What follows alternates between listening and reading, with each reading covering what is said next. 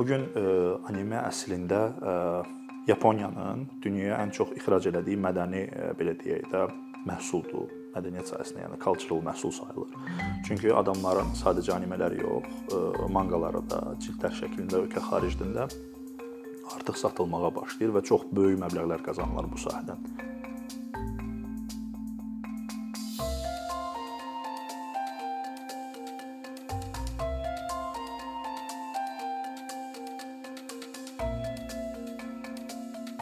Bu gün anime haqqında danışacağıq. Anime əslində bu gün günümüzə qədər Azərbaycanda və belə deyək də bir çox animələrin az izləndiyi cəmiyyətlərdə elə də ciddi olmayan bir mövzu kimi qəbul olunur ki, bəs ciddi alınmır ki, bu cizgi filmidir.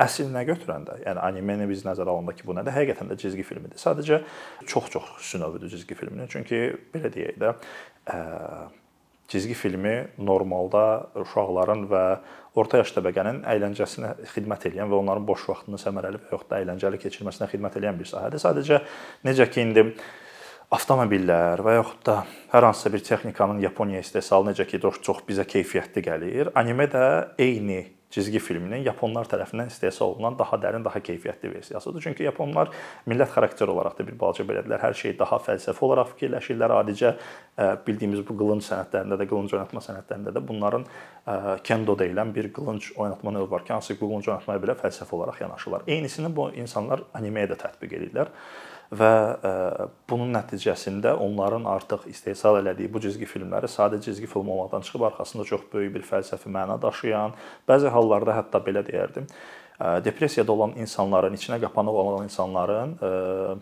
ətrafında danışmağa çəkindikləri insanlar olduqları halda o animələrdəki personajlardan özlərinə motivasiya götürdüyü anlar olur. Bu da adətən yenə yaponların öz cəmiyyəti ilə əlaqəlidir. Çünki Bilirsiniz yəqin Yaponiya cəmiyyətində artıq yalnızlaşma doğru, yalnızlaşma çoxalıb, insanlar daha çox işlərinə qapanıq yaşayırlar, çünki əhali çoxdur, kapitalizm orada sürətlə daha bizdən sürətlə inkişaf edir və insanlar günü-gündən işlərinə qapanırlar və uşaqların orta yaşlardan, e, gənc yaşlardan özlərini formalaşdıra bilmək üçün əgər danışa biləcəkləri bir adamlar olmadığı halda hər hansı bir personajdan özlərinə motivasiya götürməkləri üçün animelər daha da çeşidlənməyə başlayır. Animelər bu baxımdan, bunu sırf buna görə janr olaraq çox genişdirlər. Qısaca olaraq animenin tarixindən də danışsaq, animelər əslində öz köklərini Amerikanın kartonlarından götürür. Yaponiya ilə Amerika arasındakı əlaqələr 1-ci Dünya müharibəsindən sonra müharibə ərəfəsində hansı ki, Yaponiya da Amerika ilə eyni tərəfdə savaşdılar. Bu bunların millətlərinin və mədəniyyətlərinin də bir-birinə tanış olmasına səbəb olur və həmin dövrdən sonra artıq yaponlar Amerikadakı karton e, məsələsinə görə özlərindədir. Ki, əslində Yaponiyada çox-çox əvvəlcədən də vardı karton mədəniyyəti. Sadəcə bizim bildiyimiz bir formada deyildi. 1800-cü illərdən hərəkət şey hərəkət edən şəkillərlə kiçik özlərinin cizgi filmlərini yaradırdılar, amma bu tam cizgi filmi demək deyildi. Ancaq e, Amerikanın karton mədəniyyəti ilə tanış olandan sonra özləri artıq öz e, anime öz sahələrində, öz daxilində, öz ölkələri üçün kartun istehsal etməyə başladılar və bir nöqtədən sonra necə ki Amerika kartunları öz əsaslarını komikslərdən götürməyə başlayır, artıq Yaponiyada da komiks yazarlığının başqa bir növü olan manga yazarlığı ortaya çıxır və bu gün günümüzdə izlədiyimiz animələrin 90%-dən çoxu öz əsaslarını, hekayə əsaslarını öncədən hazırlanmış və hər hansısa bir mangaka, yəni manga yazarı tərəfindən yazılmış olan manqadan götürür. Hətta belə bir fakt, maraqlı fakt deyim anime tarixi ilə bağlı. Bu gün Amerikanın ən böyük karton şirkəti, daha doğrusu ən böyük əyləncə şirkəti olan Disney-in ən məşhur animələrindən biri hansı Lion King var, Şir Kral. Bu özündən 30 il əvvəl çəkilmiş bir animenin əslində birə-bir kopyalanması demək olar. Bu gün anime əslində Yaponiyanın dünyaya ən çox ixrac elədiyi mədəni belə deyək də məhsuldur mədəniyyət sahəsində, yəni cultural məhsul sayılır. Çünki adamların sadəcə animelər yox, e, manqaları da cildlər şəklində ölkə xaricində artıq satılmağa başlayır və çox böyük məbləğlər qazanırlar bu sahədən. E, bu günə kimi həm çox satılan anime, daha doğrusu manqa isə səhv eləmirəmsə One Piece e, manqası da hansı ki 96-cı ildən davamlı şəkildə artıq bu günə kimi davam eləyir və hələ də davam eləməkdədir. Animenin hər kəs tərəfindən izlənməyini, yəni 6 yaşından 60 yaşına qədər hər kəs animeyə maraqla izləyə bilər. Hətta mən dediyim öz anam belə mənim anime izləyir bəzi hallarda. Çünki onun marağını cəlb edən bəzi animelər var ki, onun e, marağına xitab elədiyi üçün oturub ona baxır. Bunlar əksərən Miyazaki animələridir, amma əsas məsələ janr genişliyidir. Animələrin ə, e, bu gün komikslərdən və digər cizgi komiks əsasında çəkilən cizgi filmlərdən ən böyük fərqi janr genişliyidir və 20-yə yaxın janrın olmasıdır. Janrların formalaşmasının səbəbi də bu qədər çox janrın formalaşmasının səbəbi dediyim kimi bir növ ə, Yapon mangakalarının yaşadıkları cəmiyyətdən təsirlənmək. Məsəl üçün 80-ci illərdə çəkilən manqalar əsasında yaradılan animelərdə əsasən nələr olunur?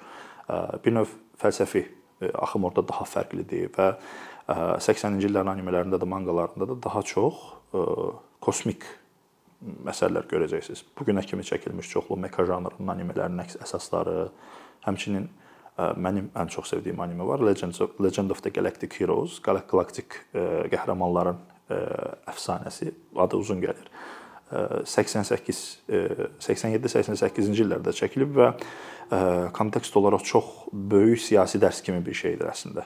Yəni təsəvvür edin, həmin dövrdə Yaponiya televiziyalarında yayımlanan bu animeni izləyən 6-8 yaşındakı yapon hər hansısa bir gənci, uşağı demokratiyanın nə olduğu barəsində, demokratiya üçün ən böyük təhlükənin nə olması barəsində orada çox detallı belə deyək də siyasi fəlsəfi mövzu mövzularda danışıqlar aparılır. Uşaqlar üçün bu bəzi hallarda ağır ola bilər. Bunu izləyən böyük yaşlara bu xitab edə bilər.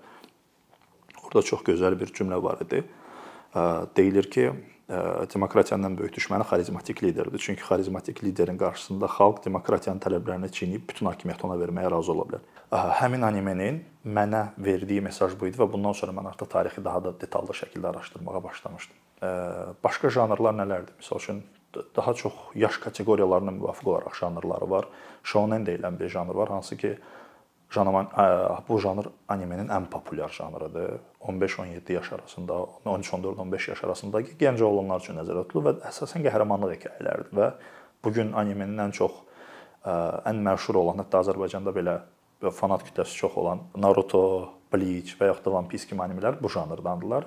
Bu janrın əsas xarakterik xüsusiyyəti ondan ibarətdir ki, izləyicilərinə daha çox həmin yaşda qazanmalı olduqları cəsarəti, motivasiyanı, dostlarla bir yerdə daha e, güclü ola biləcəkləri mesajlarını verir. Onun qarşılığı shoujo animeləri var, hansı ki, bu eyni yaş kateqoriyasında qızlar üçün çəkilən animelərdir. Zamanında yəqin Azərbaycanda bir ara yayımlanırdı bu.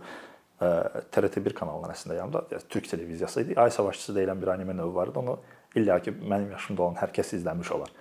Bu shoujo janrına aiddir. Sonra seinen janrı var, hansı ki, shonen-dən yuxarı yaş kateqoriyalı, yəni 18 və daha yaş üzəri kateqoriyanı əhatə eləyir. Orada mövzular bir balaca daha ciddidir. Orada məsəl üçün daha çox belə deyək də yetişkin animesidir. Məsələlər daha ciddi olur, ölüm faktları daha çox qabardılır və s. Hətta mən sizə belə bir mövzu deyim. Seinen janrının ən böyük animesi sayılan, hətta ən böyük əsəri sayılan Berserk əsəri var. Hansı ki, bu gün Game of Thrones-u izləyən şəxslər bilirlər yazarı var onun. J.R.R. Martin. O Berserk yazarının Kentaro Miura'nın çox böyük oxucularından biridir özü və sonradan onun yaratmış olduğu dark fantasy janrı, yaratmış olduğu deyəndə də doğrusu çox böyük rol oynadı dark fantasy janrına məhz həmin adamla birlikdə bu adam adlanır və sonradan bu yaxınlarda bir Yapon şirkətlərindən biri oyun istehsal edəndə onun ssenarisini J.R.R. Martinə yazdırırlar. Elden Ring adında bir oyun var. O oyunun ssenarisini J.R.R. Martin yazır və janrda demək olar ki, dark fantasy-dir, hansı ki, ən böyük əsəri bunun Berserk sayılır. Və daha sonra idman janrında animelər mövcuddur, hansı ki, bir çox idman sahəsi var bilirsiniz. Hər biri üzrə ayrı-ayrılıqda animelər var. Onlar da çox əyləncəli olur, izləməsi çox maraqlıdır. Bu anime genişliyi, daha doğrusu janr genişliyi animelerin izlənməsinin ən böyük səbəblərindən biri olur. Əgər idmana maraqlısınızsa, idman animesi izləyəcəksiniz. Əgər siyasətə maraqlısınızsa, siyasi mövzulardakı, əgər kosmik məsələlərlə bağlı maraqlısınızsa, fəlsəfi məsələlərə girmək istəyirsinizsə, hər biri üçün sizdə janr tapılacaq. Və bu bu günədək kimi mən dediyim kimi bu animelerin ən böyük izlənmə kütləsinin ən böyük səbəblərindən biridir. Animelerin bu gün insanlar üzərində bu qədər çox böyük təsir yaratması insanları animedəki gördüyü personajların sadəcə animelər yox, bu komikslərə də aiddir İnsanların öz sevimli personajlarının kostyumlarını geyinib bir tədbirlərə toplaşıb bir yerdə bunların cosplayini etməsi, e, belə deyək də, hərəkatını başladır və günümüzdə müqayisədə hətta 10 il bundan əvvəllə müqayisədə Azərbaycanda artıq cosplay tədbirləri çox geniş vüsət alıbdı. Oyun tədbirlərinə bir yerdə Azərbaycanda çox böyük cosplay tədbirləri keçirir. Mən bu arada 2018-də səhv eləmirəmsə jürisi olmuşdum cosplay tədbirlərinin birinin. Orada da çox yaxşı cosplayçilər vardı. 10 il əvvəl belə deyildi amma. Məsələn, 10 il əvvəl mənim birinci iştirak elədiyim cosplay tədbiri 2013-də idi. Miyazaki festivalında idi və demək olar ki, 100-dən artıq adam yox idi demək olar. 100 100 insan civarında idi. Bu gün artıq minlərlə insan qoşulur və çox böyük convention centerləri bağlı ə, icarəyə götürüb həmin gün orada bir gün boyunca bu tədbirdən ə, tədbirdə əylənirlər. Cosplaylərin baş vermə səbəbi də dediyim kimi animələrin ə, bir e, culture export kimi Yaponiyadan artıq bizlərə doğru gəlməyi və e, bu gün çox təəssüf olsun ki, bizim hər hansısa bir xarici eksport məhsulumuz yoxdur bu sahədə, əyləncə sahəsində. İndi inanıram ki, Azərbaycandan da, hətta belə deyim, Türkiyədə artıq e, anime sahəsində, manga sahəsində yavaş-yavaş onlar artıq özlərinin öz manga yazarları öz manqalarını yazmağa başlayır və jurnal çıxartmağa başlayır. Azərbaycanda bir neçə il bundan əvvəl bunun üçün cəhdlər olmuşdu. Çox yazarlar vardı ki, 1-2 nəfər yazmağa çalışdı, ancaq indi Azərbaycanda büdcədə onlar öz büdcələrindən çalışdıqları üçün tam jurnalı tam şəkildə formalaşdıra bilməmişlər. Komiksdə, manqada hər ikisi də ilk sayılarından sonra dayanmışlar və çox maraqlı yazarlar vardı. İndi ümid edirəm ki, Azərbaycan tərəfdən də bunlar yayılmağa başlayar.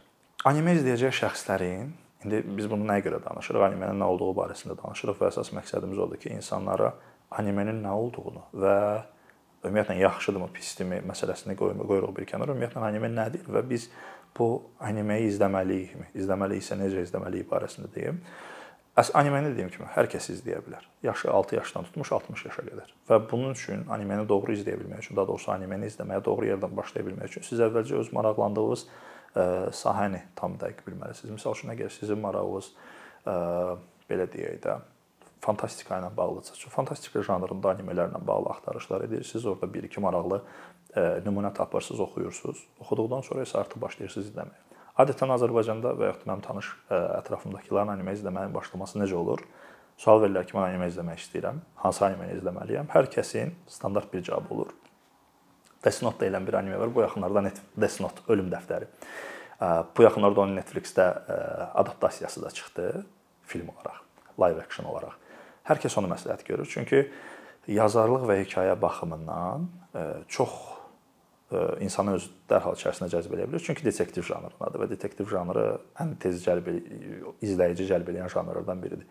İstəyən o yolla gedə bilər ki, Death Note-u bir dəfə izləyəndən sonra artıq o animələrin yaxşı şey olduğuna qərar verən insanların sayı dəyişir çoxdur mən tanıdığım bu kütlədən. Çünki izləyirlər və detektiv janrında yazılan əsərin, yəni izlədiyindən əlavə ssenarinin arxasındakı fikrin maraqlı olduğunu insan e, gördükdən sonra burada nə isə var deyib davam etməyə başlayır. Və anime ilə bağlı da bu sektorun daha maraqlı tərəflərindən biri animenin e, rəssamlığından əlavə animenin səsləndirici e, sənətkarları var, hansı ki, onlara seiyu deyilir yapon dilində.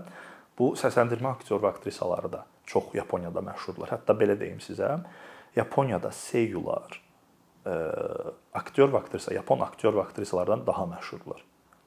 Yaponiyada hər hansısa bir serialda, filmdə çəkilmiş bir Yapon aktyorla e, bir seiyunu e, soruşsanız, seiyunu daha tez tanıyacaqlar. Çünki Yaponiyada anime izlənmə səviyyəsi də çox yüksəkdir. Hətta mən dediyim kimi, mənim özümdən belə soruşsanız, sizə maksimum 2 Yapon aktyor saya biləcəyim halda yüzlərlə seiyut saya bilərəm. Çünki izlədiyimiz animelərdə səsi artıq tanıyandan sonra o səsə uyğun olaraq siz həmin insanı tanımağa başlayırsınız. Və səsləndirmədə e, e, həmin o emosiyanı almağa çox böyük rol oynayır. Animələrin dediyim kimi, yəni hər bir insanın bu gün anime izləməyə cəlb olmasının ən böyük cəhətlərindən biri bəzi insanlar da qrafik, e, daha doğrusu gözə xoş gələn anime də izləməyə çalışa bilər. Misal deyəcəm, mənim bu gün izlədiyim, ən aktiv izlədiyim anime Spy X Family deyilən bir animedir, hansı ki, onun çəkilişi çox xoşuma gəlir. Balaca bir dənə telepat olan bir qız uşağının yetimxanadan götürülüb bir agent və bir qatilin bir cinayət işini açmaq üçün ondan istifadə bir e, süni ailə yaratmalarından danışılır. Hekayə olaraq çox komediya janrındadır və e, ən azından izlədiyim 20 dəqiqə ərzində məni hər şeydən ayırıb sadəcə o hekayəyə fokuslandıra bilər. Həm hekayəsi çünki yaxşı yazılıb, e, personajlar çox ingiliscə demək ki, çox küt personajlardır. İzlədikcə adam çox xoş gəlir və ssenarisindən əlavə çəkiliş tərzi də çox insanın içərisinə alır və xüsusi bir məqamda var bilirsiniz, hamımız bu gün işdən çıxıb evə gedirik və yaxud da bir yerdən gedib bir yerə gedirik. Həyatımızda vaxt çox azdır. Və bu vaxtda mümkün qədər maksimum nə isə sığışdırmağa çalışırıq. Seriallar bilirsiniz, ən azı türk serialları 2 saat çəkir ya da kino izləsəz 2 saat çəkəcək ya da ki bir Amerika serialı 1 saat. Animelər isə bir serial cəmi 20 dəqiqədir. Və bu 20 dəqiqədən siz ala biləcəyiniz bir epizod izləyib o 20 dəqiqə üçün xoşbəxt ola bilərsiniz. Bu insanlar anime izləməyə cəzb eləyə bilər. Çünki qısa müddətə ya da 1 saata 3 seriya izləyə biləcəyinizə görə daha orada ə, kəmiyyət baxımından irəli düşə bilirsiniz.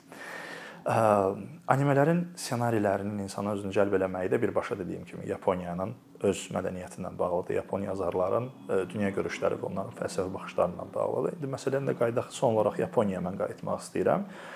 Ə, bu qədər böyük bir ə, sektorun Təbii ki, Yaponiyaya öz ə, belə deyək də, gəlirləri də mövcuddur. Necə təsir edir Yapon cəmiyyətinə? Bu gün Yaponiyanın ən böyük turist turist cəlb eləmə sahələrindən biri də animelərdir. Çünki ə, animelərdə insanlar izlədikləri səhnələrdə olan yerlərə getməyə çalışırlar. Çünki bəzi animelər konkret olaraq şəhərlərin bəzi hissələrində keçir və o səhnələri onlar orada gedib fotolarla canlandıra bilirlər və Yaponiyanın dediyim kimi xarici özündən xaricə eksport elədiyi ən böyük mədəni məhsul olduğu üçün bu gün Yaponiyaya animelər həm turist baxımından gəlir gətirir, həm dediyim kimi manqaların Azərbaycan nəinki Azərbaycanda, Yaponiya xaricində ərazilərdə satışı çox böyük gəlir gətirən məqamlardan biridir. Hətta Amerika, İngiltərə və hətta İspaniya kimi ölkələrdə İspan dilli millətlərin anime sevgisi çox böyükdür. Siz təsəvvür eləməsiniz, YouTube-da nə qədər İspan kanalı var ki, İspan dilli kanalı var ki, animeləri dublyaj eləməyə çalışır və manqaları tez dublyaj eləyib satmağa çalışırlar ki, bu